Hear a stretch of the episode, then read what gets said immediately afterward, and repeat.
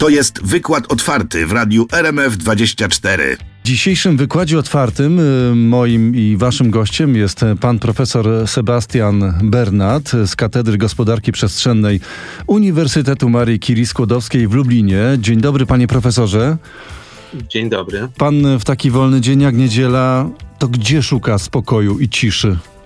No właśnie, najchętniej bym teraz wyjechał rowerem gdzieś właśnie poza miasto, żeby odpocząć, żeby troszkę posłuchać właśnie dźwięków przyrody, dźwięków odprężających, bo e, w ciągu tygodnia no, brakuje tego czasu na e, odprężenie, właśnie na obecność e, w innym środowisku niż środowisko pracy czy środowisko domowe. Panie profesorze, dlaczego cisza to obecnie towar deficytowy? No właśnie, o ciszy coraz więcej się mówi dzisiaj y, w związku z tym, że uświadamiamy sobie coraz bardziej, że hałas y, jest niewątpliwie bardzo ważnym zagrożeniem, y, mhm. globalnym zagrożeniem. I dodatkowo to doświadczenie pandemii, które przeżyliśmy, dało nam do myślenia, mhm. że. I właśnie, jak, pa, jak pandemia wpłynęła na poziom hałasu? No właśnie, najogólniej mówiąc, e, powstrzymanie, ograniczenie pewnych działalności, zamknięcie nas w domach e, wpłynęło na zmniejszenie poziomu e, hałasu. Skoro rzeczywiście zaprzestano aktywności jakiejś gospodarczej, zamykano zakłady, skoro, skoro też i niedozwolone było opuszczanie domu, e, domów, e, to i ruch na ulicach się zmniejszył, e, a przez to rzeczywiście akustycy w wyniku pomiarów stwierdzają, że poziom hałasu obniżył się mniej więcej o 5-10 decybeli. To bardzo dużo. To jest dużo, to jest dużo. Są miasta, gdzie e, ta obniżka była jeszcze większa. E, to zależy właśnie, zależy czy mierzono w centrum miasta, czy mierzono e, poza cen, ścisłym centrum. I właśnie, i właśnie to, to doświadczenie pandemii, kiedy to bardziej dostępna dla nas była cisza, kiedy bardziej byliśmy ograniczeni do tych naszych środowisk domowych, w których e, no, raczej tego hałasu typowego dla naszej codzienności nie było. E, nie było, nie docierał hałas, hałas z zewnątrz, co najwyżej mogliśmy mieć do czynienia z hałasem domowym, z hałasem sąsiedzkim i zaczęli, zaczęliśmy pragnąć kontaktu mhm. z przyrodą. Mhm. zaczęliśmy być coraz bardziej wrażliwsi na to, co dotychczas umykało naszej uwadze, bo przecież jasne jest, że tu nie chodzi o ciszę bezwzględną, e, o brak jakichkolwiek dźwięków, ale o obecność takich dźwięków przyrody, dźwięków subtelnych, delikatnych, które tworzą przyjemne tło mhm. dla człowieka. Panie profesorze, a czy zmierzono w jakim hałasie średnio żyjemy, na przykład mieszkając w takim mieście jak Kraków czy Lublin? No to właśnie też zależy od tego, gdzie mieszkamy, bo najgłośniejsze najczęściej Centrum. są centra miast, mhm. ścisłe centra, gdzie koncentrują się e, wszelakie usługi, e, krzyżują drogi mhm. i rzeczywiście tam jest największa aktywność ludzka. Także tam jest najgłośniej i mniej więcej no, w centrach miast jest to poziom około 70 decybeli. Mhm. Natomiast y, oczywiście miasta są zróżnicowane, mają zróżnicowaną strukturę funkcjonalno-przestrzenną, no i są na pewno takie miejsca w mieście, gdzie znacznie ciszej. E, bo chociażby właśnie nawet i w centrum te udostępnione wyłącznie dla ruchu pieszego deptaki, rynki, a już zwłaszcza wieczorem, one są w miarę ciche. E, tam poziom hałasu mierzono przed e, dwoma laty w ramach pewnego projektu i okazało się, że w niektórych miastach no, wynosi około 40-50 decybeli, co jest mhm. poziomem no, bardzo niskim, takim przyjemnym, komfortowym. E, ponadto w parkach miejskich, prawda, które mogą być i w centrum. Wiadomo, że w centrum, w parku miejskim, e, no nie jest w pełni cicho, nie, jest, e, nie mamy tego pełnego komfortu, bo słyszymy taki szum ulicy. Ale im bardziej wchodzimy w głąb parku, jeśli to jest dosyć duży obszar, to zaczynamy odcinać się od tego, co spotykamy na ulicy. Hałas przestaje być już taki agresywny. Mhm. Możemy co najwyżej słyszeć taki delikatny szum. Mhm. No i podobnie też na osiedlach mieszkaniowych różnie może być. Są osiedla, tak. gdzie, e, gdzie nie jest e, za głośno, a są osiedla usytuowane blisko jakichś istotnych arterii komunikacyjnych, mhm. gdzie no, rzeczywiście nie chce się mieszkać, bo ten hałas jest bardzo uciążliwy. Zwłaszcza jeśli no, okno naszego mieszkania wystawione jest wprost na ulicę. Panie profesorze, a czy ten poziom hałasu mm, w naszym kraju, w Europie, na świecie rzeczywiście rośnie? E, najogólniej tak, taki jest trend mhm. wzrostowy, co niepokoi oczywiście, bo mhm. próbuje się zastosować środki e, zapisane w dyrektywie hałasowej e, 2002 rok, czyli 20 lat już upłynęło E, od przyjęcia tejże dyrektywy hałasowej. E, no i ta dyrektywa wprowadziła pewne środki, które miały ograniczyć e, rozprzestrzenianie się hałasu, ograniczyć to zagrożenie. No jak się okazuje, nadal niestety mamy tendencję wzrostową. Są oczywiście te epizody, właśnie chociażby ten związany z pandemią, kiedy no, zaobserwowaliśmy obniżenie poziomu hałasu, ale najogólniej mówiąc, tendencja wzrostowa no, jest charakterystyczna niemal dla wszystkich krajów Europy, w tym dla Polski. A jak hałas wpływa na nasze życie i zdrowie, panie profesorze? E, no właśnie, hałas jest, jak to się często mówi, nieuświadamianym przez nas cichym zabójcą, cichym zabójcą, bo długotrwałe narażenie e, na hałas e, no, powoduje, że rzeczywiście ludzie przedwcześnie umierają, nie zawsze uświadamiając sobie, że to jest konsekwencją obcowania czy narażenia właśnie na hałas. Mhm. Także to jest długotrwały skutek. Przyspieszenie zgonów, e, przedwczesna śmierć, jak to we wskaźnikach się podaje. Nawet podaje się konkretne liczby, że corocznie no, około, z tego co pamiętam, 12 tysięcy ludzi e, przedwcześnie umiera w związku z narażeniem na hałas w skali Europy. Wydaje się, to nie jest dużo, to nie jest dużo, no ale można by było tego uniknąć. E, ale są też i takie krótkotrwałe oddziaływania. Często określimy, że jest to uciążliwość, hałas jest uciążliwością i czujemy pewien dyskomfort, e, jeśli e, sąsiad hałasuje, jeśli przemieszczamy się przez głośną mhm. ulicę, no to czujemy się poddenerwowani. Tak. Czyli tu jest taka reakcja na hałas, też nie do końca uświadamiamy to sobie, e, ale tak rzeczywiście jest. No ale bywa też, że my świadomie niejako nastawiamy się na duży poziom hałasu. Gdy idziemy na głośny koncert, e, z, e, może być i w plenerze, ale najczęściej największe oddziaływanie jest w pomieszczeniach. E, mhm. Głośny koncert, dyskoteki. Nie znaczy to oczywiście, że nie wolno korzystać z tego typu rozrywek ale trzeba to robić z umiarem. Jeśli ktoś rzeczywiście świadomie, e, często korzysta z tego typu rozrywek, no to niestety, ale on przestaje być wrażliwy e, na ciszę, e, przestaje, zaczyna być coraz bardziej agresywny.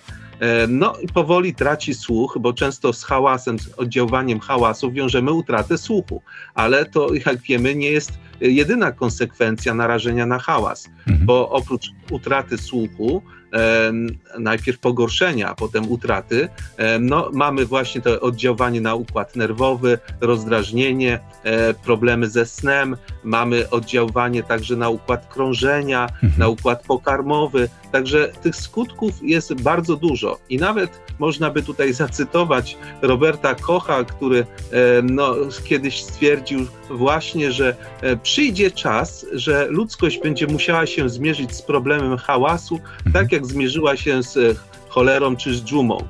Mm, e, także to jest niewątpliwie cichy zabójca. Mhm. E, to jest wróg, którego sobie nie do końca uświadamiamy, a mhm. otacza on nas zewsząd i w związku z tym czasami trudno uciec od hałasu, co nie znaczy, że jest to niemożliwe. Panie profesorze, no to w takim razie gdzie możemy znaleźć tę ciszę?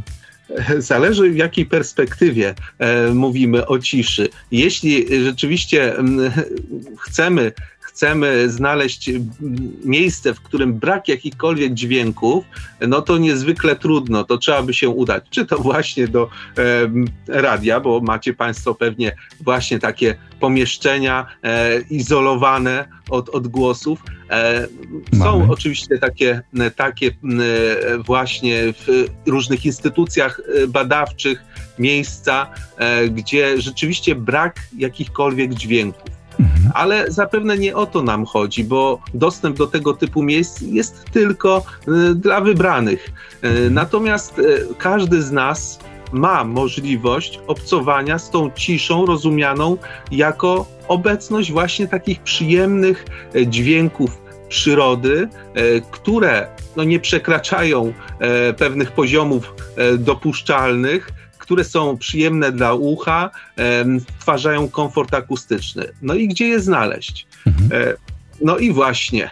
Mogą, można znaleźć, poszukiwać po całym świecie i byli tacy, którzy e, podróżowali po świecie i, i nawet pisali że nie ma nigdzie ciszy zupełnej. No ale mhm. tak jak powiedziałem, e, nie poszukujemy tu ciszy zupełnej. Niejaki Gordon Hampton w latach 80.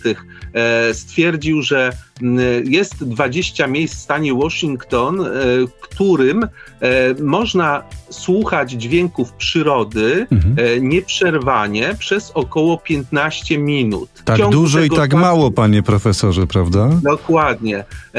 W ciągu tego czasu nie było słychać żadnych dźwięków ludzkich, e, żadnych dźwięków antropogenicznych związanych z człowiekiem, czyli nie było tego, tych dźwięków uciążliwych, hałasu.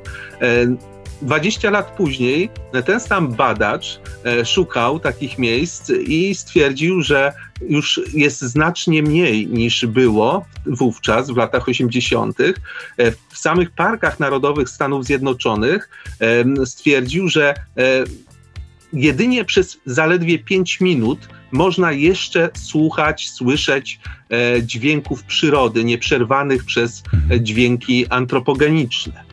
E, no tak Gordon, Hampton, ale w końcu e, odszukał pewien, pewne miejsce, e, które znajduje się w Parku Narodowym Olimpik, w którym ta cisza trwa nieprzerwanie przez nawet i godziny. No i można powiedzieć, no to w takim razie jedźmy do tego parku.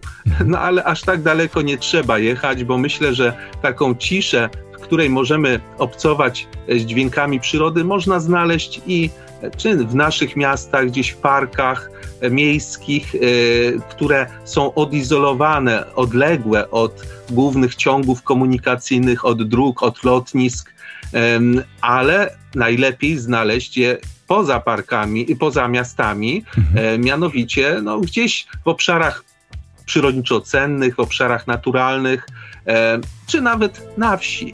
E, zdecydowanie jest tam większa szansa na obcowanie z dźwiękami stwarzającymi komfort akustyczny.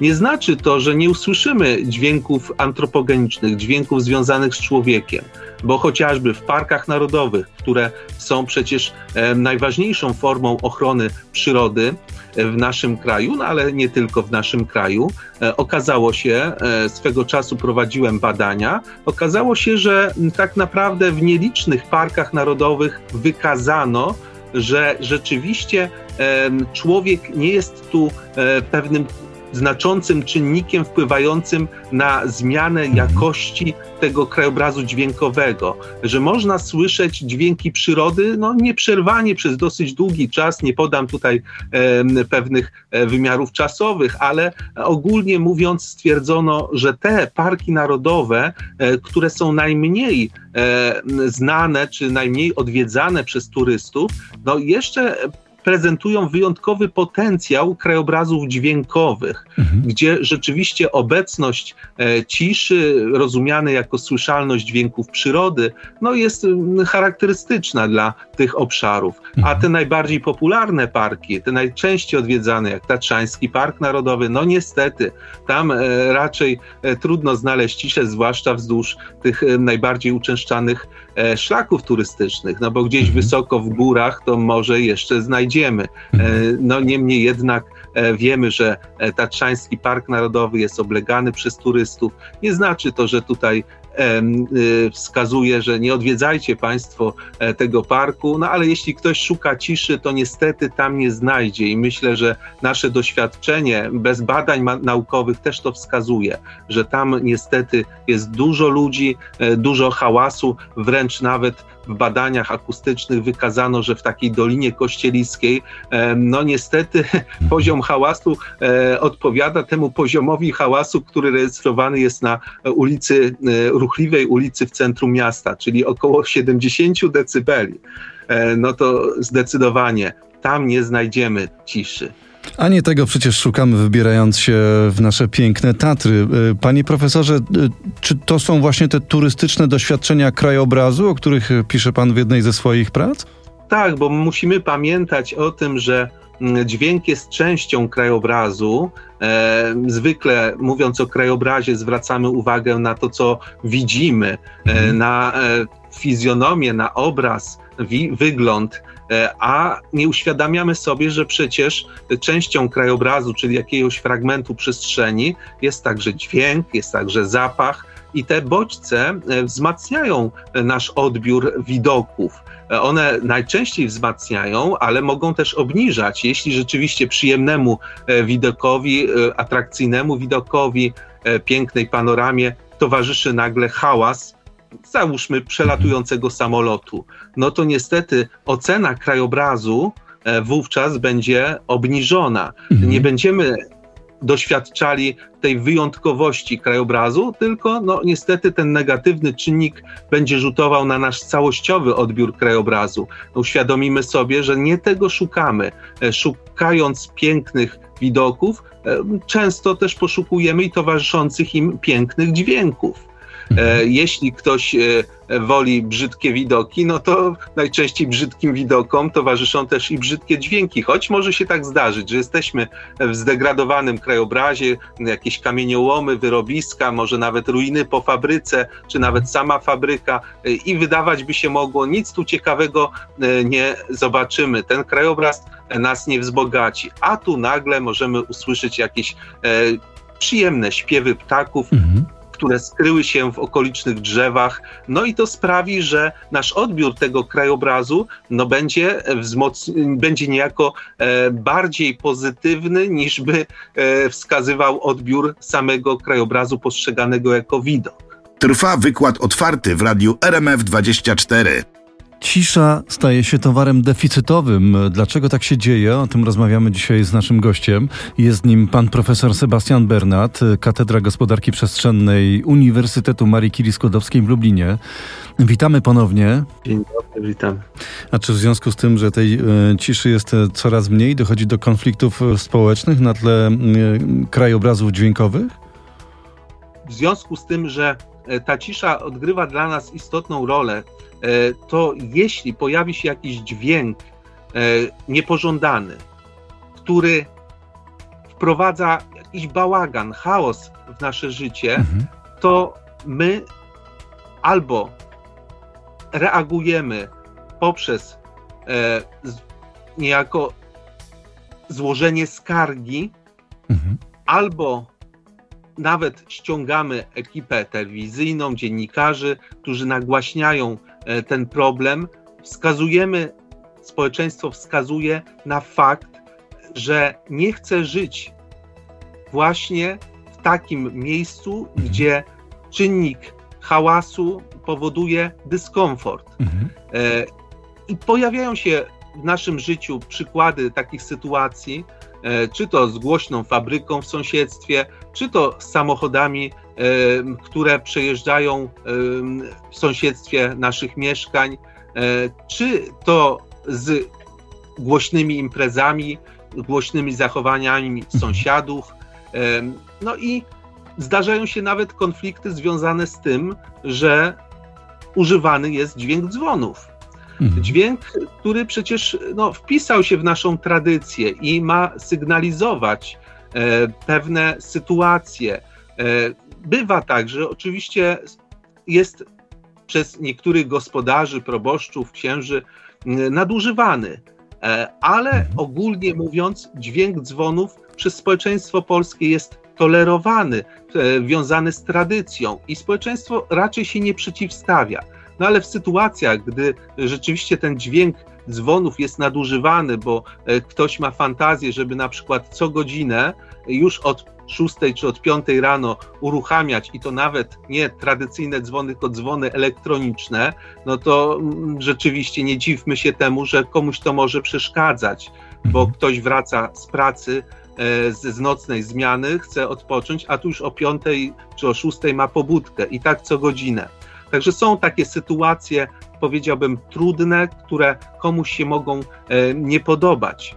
E, ale mhm. najczęściej społeczeństwo przeciwstawia się no, tym dźwiękom, które wiązane są e, z tradycyjnym pojmowaniem hałasu, czyli e, z, ruch, e, z hałasem, z szumem samochodów, z głośnymi imprezami, z mhm. obecnością jakichś zakładów produkcyjnych, głośnych zakładów produkcyjnych, e, czy też z aktywnością czasową, jakimiś robotami budowlanymi, e, które nasilają się w pewnych okresach, no i niestety one mogą stawać się uciążliwością dla mhm. sąsiadów, dla mieszkańców tych terenów.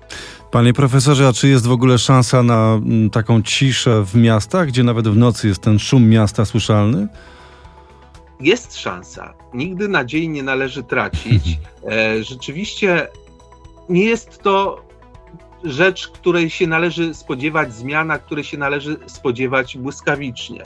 E, to jest proces. Mhm. E, Unia Europejska tutaj stara się działać na rzecz obniżania poziomów hałasu, a zwłaszcza liczby ludności narażonej na hałas, popiera to pewnymi wskaźnikami, podaje, że e, w ciągu e, najbliższych lat oczekiwane jest obniżenie poziomu aż o 30% w stosunku do mhm. 2017 roku, no to przypuszczam jest niemożliwe do zrealizowania. Ale brzmi ale znakomicie, gdyby się tak udało. Brzmi znakomicie, mhm. jak najbardziej. Moje zdanie jest takie, że potrzeba działalności na wielu płaszczyznach aktywności na wielu płaszczyznach, żeby, e, żebyśmy rzeczywiście e, nie mieli do czynienia z takim poziomem hałasu, z jakim mamy dzisiaj do czynienia. To są oczywiście zmiany na poziomie administracyjno-prawnym, e, które no w zasadzie są poza zwykłym szarym obywatelem, ale poza tym ważne jest też takie podejście edukacyjne, uświadamiające, mhm. żeby zwykły obywatel miał świadomość, że nie jest skazany na hałas, że mhm. są dźwięki, e, którymi lubi się otaczać i pewnie chce, żeby one były w sąsiedztwie, tam gdzie przebywa, e, no i może wpływać na to, żeby takie dźwięki były właśnie w przestrzeniach publicznych. Mhm. Bo chociażby za sprawą działań pod hasłem rewitalizacja w wielu miastach powstały deptaki, takie przestrzenie publiczne, reprezentacyjne, rynki, gdzie zakazany jest ruch kołowy, został wycofany, e, powstają obwodnice miasta, w tychże przestrzeniach e, publicznych e, coraz więcej pojawia się obiektów wodnych, gdzie mhm. słyszymy w miarę przyjemne dźwięki wody, e, mogą się pojawiać elementy zieleni. Mhm. E, no i z zielenią też są związane przyjemne dźwięki, bo w zieleni często chowają się chociażby ptaki, no mhm. ale i sam, same rozmowy między użytkownikami przestrzeni publicznych, no przecież nie są czymś, E, czymś niewskazanym. Są też strefy ciszy, panie profesorze, czy to w pociągach, czy nad jeziorami, to może nasza świadomość tego, jak ta cisza jest nam bardzo potrzebna, wzrasta.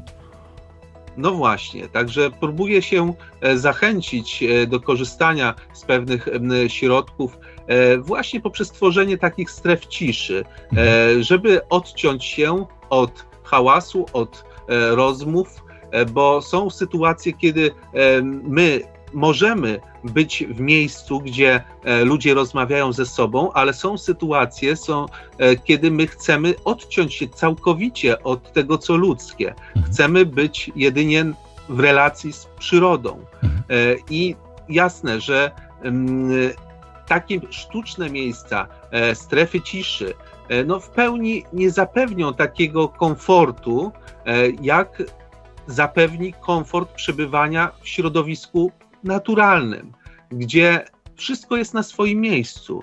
E, dźwięki są autentyczne, mhm. bo nawet kiedyś był też taki trend, e, wydaje mi się, że on już odchodzi e, w zapomnienie, ale było coś takiego, że w urzędach, w różnych miejscach użyteczności publicznej wprowadzono dźwięki ptaków czy dźwięki przyrody emitowane z nagrań, z głośników, żeby mhm. uprzyjemnić obsługę klienta.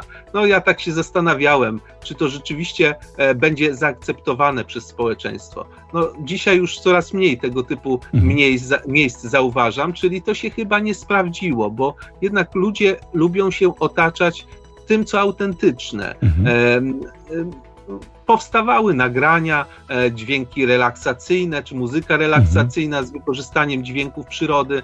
E, no okazało się, że to chyba też się nie sprawdziło, bo, e, bo to nie jest to, czego człowiek poszukuje. Mhm. Człowiek poszukuje kontaktu z tym, co autentyczne, mhm. z tym, co realne, a nie z tym, co właśnie oddzielone od źródła, niejako jak to pisał ekolog akustyczny Raymond Maraj Schaffer. E, mamy do czynienia właśnie z taką schizofonią.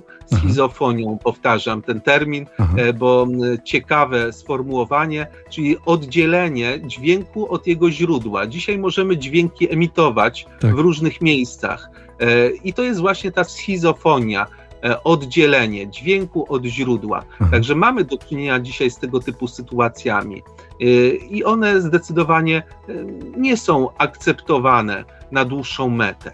Panie profesorze, a czy są już, a może za chwilę powstaną mapy Polski z takimi zaznaczonymi miejscami ciszy? E, no, powiem wprost, że mapy e, takie nie znalazłem, ale e, są pewne aktywności takie mhm. obywatelskie, nazwijmy to społeczne, które zwracają uwagę, gdzie tej ciszy szukać. E, I jasne, że jeśli to byłoby jakoś szczególnie nagłośnione, to można by się okazało, że za jakiś czas tam tej ciszy nie ma, bo mhm. zainteresowanie tym miejscem by tak wzrosło, że e, no, pojawiłoby się wielu chętnych posłuchać tej ciszy, e, no i przestałoby być to miejsce cichym. Więc bardziej to jest takie ukryte, te różne aktywności obywatelskie, aktywności społeczne, no są taką oddolną działalnością, która jest ujawniana tylko wybranym. E, ktoś, kto znalazł takie miejsca, kto zidentyfikował, no, czasami chce się pochwalić, ale głównie chwali się znajomym. Natomiast e, coraz częściej e, powstają takie różne projekty map dźwiękowych, mhm, mhm. sound map dla różnych miast Polski czy poza Polską rozwija się turystyka dźwiękowa ukierunkowana na poszukiwanie miejsc charakteryzujących się obecnością wyjątkowych dźwięków. E, mhm. Dźwięków, e, które może nie nazwiemy wprost ciszą, tak.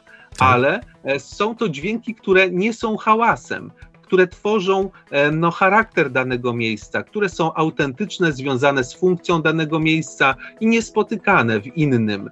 Czyli są właśnie pewną cechą charakterystyczną danego miejsca. Mhm. Więc tego typu mapy e, pojawiają się w internecie głównie, e, pokazujące, przedstawiające nam e, miasto czy jakiś obszar, region od innej strony, nie poprzez mapy akustyczne, gdzie mhm. mamy tylko decybele przedstawione tak, poziomy hałasu przedstawione kolorystycznie, w zależności od tego, jaki, z jakim poziomem mamy do czynienia, ale mapy pokazujące tę jakościową stronę dźwięku, pokazujące, gdzie są wyjątkowe miejsca, jakie tam dźwięki występują, mhm. i to pozwala też właśnie na takie edukowanie społeczeństwa, że hałas nie jest tym, na co jesteśmy skazani. Może być lepiej. I mhm. pewne zmiany już są, właśnie poprzez choćby działania z zakresu rewitalizacji, czy e, ogólne działania e, władz miasta, czy,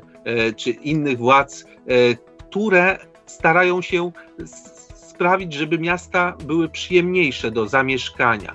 Więc to są e, inicjatywy, które trzeba docenić, ale właśnie te inicjatywy oddolne są według mnie równie ważne, bo one pokazują, że w mieście niekoniecznie musi być hałas. Są i dźwięki E, atrakcyjne, których może nie dostrzegaliśmy wcześniej, mhm. które tworzą wizytówkę miasta. Nawet chociażby taki dźwięk jak hejnał miejski. Ja już od pewnego czasu obserwuję odrodzenie tej tradycji odgrywania hejnałów w centrach mhm. miast, czy jest to wieża ratusza, czy e, jakiś, e, wieża jakiegoś innego budynku, balkon, e, z którego trębacz o określonej godzinie, nie zawsze jest to godzina 12, wychodzi mhm. i odgrywa hejnał. No, mhm. najbardziej nam znany jest właśnie hejnał mariacki, odgrywany z wieży kościoła mariackiego w Krakowie. No ale mamy też miasta, e, z których też, w których codziennie odgrywany jest na żywo hejnał. No i tutaj wracamy do tych turystycznych doświadczeń krajobrazu, o których e, pan profesor e, mówił w wykładzie otwartym w Radiu RMF24. Panie profesorze, to co możemy zrobić, żeby mieć ten komfort ciszy, a nie możemy wyprowadzić się do puszczy? Przede wszystkim samodzielnie próbować e, przeprowadzać takie ćwiczenia czyszczenia uszu. E, ładnie to mhm. brzmi. E, ear cleaning, jak to Schaffer określił, mhm. i polegają od, na tym, żeby się uwrażliwiać na różnorakie dźwięki, jakie nas otaczają. Mhm. E, bo e, rzeczywiście tych dźwięków jest bardzo dużo.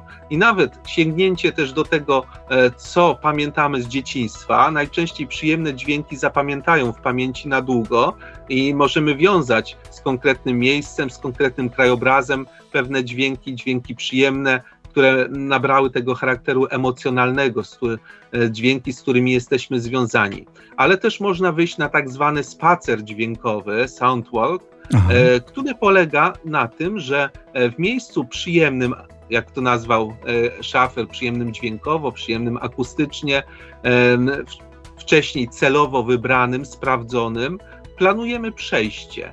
Najlepiej samotnie, bez mhm. towarzyszy czasami nawet i z zamkniętymi oczami, tam gdzie jest bezpiecznie, mhm. żeby bardziej otworzyć swoje uszy y, i starać się uwrażliwiać na te dźwięki przyjemne. Y, jeśli my dostrzeżemy wartość tych dźwięków, najczęściej będą to dźwięki przyrody, y, to będziemy starali się otaczać tymi dźwiękami. Mhm. Będziemy starali się niejako promować te dźwięki. E, wpływać na obecność tych dźwięków w miejscach, gdzie przebywamy. E, to jest e, jedno z ćwiczeń, które Schaffer zaproponował. Proponuje też w swoim poradniku jeszcze wiele innych ćwiczeń, ale też okazuje się, że mm, również u nas w Polsce są pewni aktywiści, którzy starają się edukować e, dźwiękowo społeczeństwo e, i powstały bardzo ciekawe prace, które właśnie idą w tym kierunku, w którym zmierzał Schafer, żeby bardziej uświadamiać społeczeństwo nad zakresie jakości dźwiękowej krajobrazu. Przewodnik dla audiokulturalnych to jedna z mhm. prac, E, która zawiera zestaw takich ćwiczeń i wydawać by się mogło, że te ćwiczenia e, są adresowane dla dzieci. Mhm. Oczywiście dzieci w pierwszej kolejności powinny być uwrażliwiane, bo od nich ta edukacja no, powinna się zaczynać, ale edukować też trzeba i starszych e, bo ci starsi no, już przywykli do hałasu i raczej nie starają się z tym walczyć, ale można, można walczyć E, i nie ustawać w tej walce, bo tak jak powiedziałem, jeśli chcemy e, komfortowych miast pod względem akustycznym, nie powiem cichych, mhm. komfortowych, e, to wymaga czasu. To jest proces. To trzeba działań na wielu płaszczyznach. I są działania niezależne od nas na szczeblu administracyjno-prawnym. Póki co te normy hałasu, które mamy, no niestety nie wpływają pozytywnie na obniżenie poziomu hałasu, bo przecież e, 10 lat temu e, poziomy dopuszczalne zostały podwyższone, co jest sprzeczne z ustaleniami Światowej Organizacji Zdrowia.